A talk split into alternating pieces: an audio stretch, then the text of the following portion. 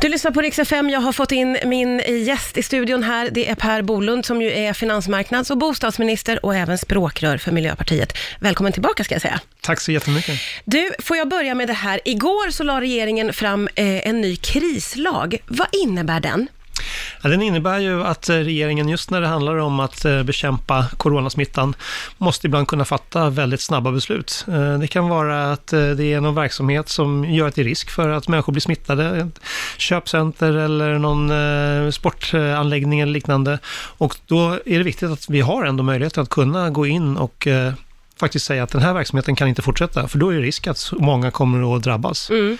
Och eh, det är ju inom smittskyddslagen, så det är ju bara just när det gäller att begränsa smitta som, som vi har den möjligheten. Ja, just det. Och eh, där är ju jag väldigt glad att eh, alla riksdagspartier nu till slut tycker att det här är ändå befogat, att vi måste kunna ta de här viktiga besluten. Ja, just det, för alla ställde sig bakom det här. Ja, ja men det gjorde det ju. Ja. Och eh, där är det ju, eh, det är ju, vi har ju fattat beslut om att eh, coronasmittan är en samhällsfarlig sjukdom. Och eh, då är det ju viktigt att man också har muskler och kan faktiskt göra insatser för att eh, gå in och, och stoppa smittspridning när vi ser att det finns stora risker. Mm. Och eh, nu finns det möjligheter att göra det och det gör ju att vi nu har lika mycket möjligheter som man har i många andra länder. Ja, just det. det ja. Vissa, eh, kanske särskilt i omvärlden då, eh, menar ju på att Sveriges strategi har varit lite för slapphänt. Vad säger du om det? Vi har ju lyssnat väldigt noga till eh, experterna och till vetenskapen och eh, våra myndigheter, inte minst Folkhälsomyndigheten. Och de är ju de som har eh, följt forskningen, satt sig in i vad är det för åtgärder som är mest effektiva att, att fatta.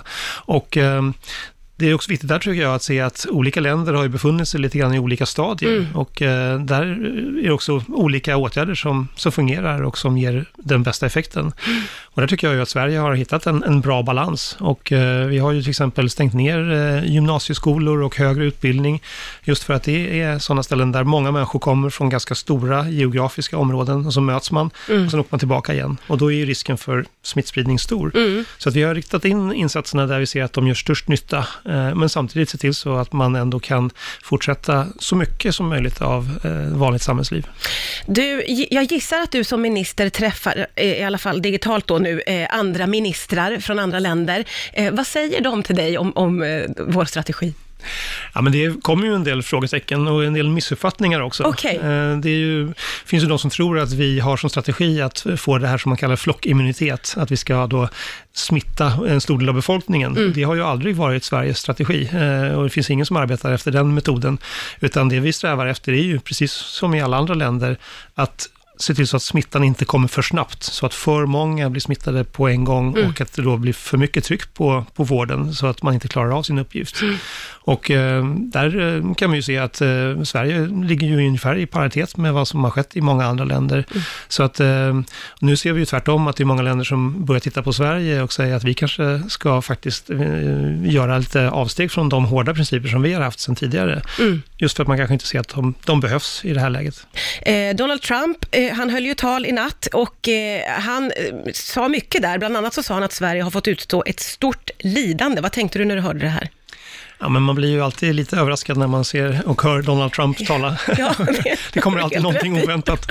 Eh, men eh, det är ju, han har ju en poäng och det är ju att eh, coronaviruset smittan slår ju mot alla länder och mm. alla länder får ju lida under det här viruset.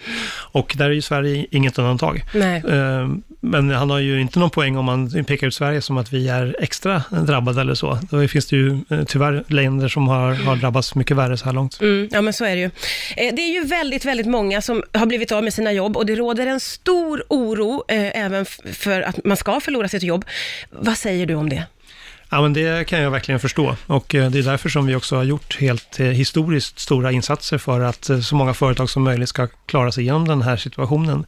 Med både väldigt stora kostnadssänkningar med arbetsgivaravgifter till exempel för företagen som har tagits bort, men också att ta ner hyrorna för de företagen som har lokaler. Mm. Så att det är ju otroligt viktigt att vi gör allt vi kan för att så många jobb som möjligt ska vara kvar. Men sen också att faktiskt hjälpa de som ändå blir av med jobbet. Så att, eh, Hur kan man hjälpa dem? Ja, men där är det ju viktigt att de trygghetssystem som vi har, till exempel arbetslöshetsförsäkringen, att det fångar upp så många som möjligt så att man just har en, en ekonomisk grund att stå på, även om ens företag lägger ner eller om man blir av med arbetet. Mm. Och där har vi ju gjort väldigt stora insatser för att korta den tiden det tar att komma med i, i a-kassan och att göra det lättare för många fler att kunna ta klivet in och få en, en ekonomisk trygghet. Mm. Du, det här krispaketet som du pratar om, hur långt räcker det, om du förstår vad jag menar? Ja, men vi har ju eh, gjort insatser som eh, jag inte har varit i närheten av under alla mina år i politiken. Och, eh, vi har ju lagt 100 miljarder nu i utgifter på bara några veckor. Men vi är ju beredda att göra mer om det behövs. Och vi ser ju att det här har gjort stor skillnad. Det är många företag som nu använder till exempel av möjligheten att låta anställda gå ner i arbetstid och sen går staten in och betalar en del av, av kostnaden. Det har blivit en, en succé. Är väldigt många som kan behålla jobbet just på grund av det. Mm. Men vi har ju hela tiden också en diskussion med både eh, företagen men också med fackföreningarna och eh, lyssnar till hur ser det ut för dem eh, och vad är det som är problem som fortfarande finns kvar. Mm. Så att där måste vi alltid vara beredda att, att lyssna och göra förändringar. Det här viruset, det, om vi har tur då, så kan ju det plana ut kanske under sommaren.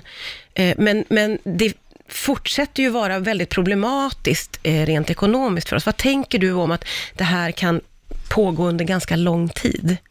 Ja, men det är ju därför som det är också viktigt att vi ser till så att vi har pengar för att kunna eh, också starta igång Sverige igen och få ekonomin att börja rulla. Hur ser man till att man har de där pengarna?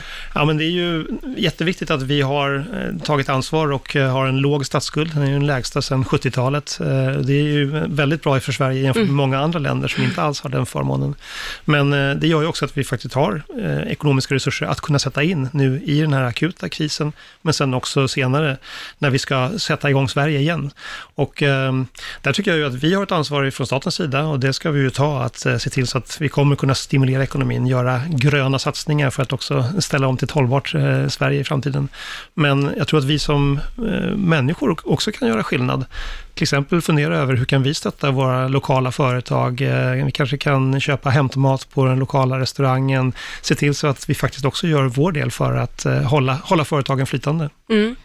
Eh, det är ju, ja, vi alla påverkas av det här och nu är det påsklov och påskhelgen väntar och det är väldigt många som, ja det blir ett annat slags firande och man kan inte ses ens inom familjen och många gamla som sitter ensamma. Mm. Hur tänker du själv in, inför just påsken? Ja, men det kommer bli en, en annorlunda påsk och eh, det kan kännas lite sorgligt.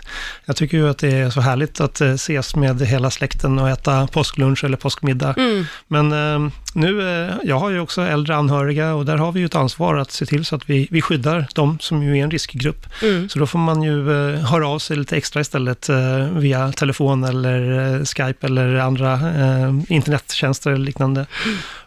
Men sen också försöka att eh, se till att vårda sina nära och kära också och eh, försöka ha det så bra som möjligt. Eh, det är viktigt i det här läget också att vi försöker att undvika att resa.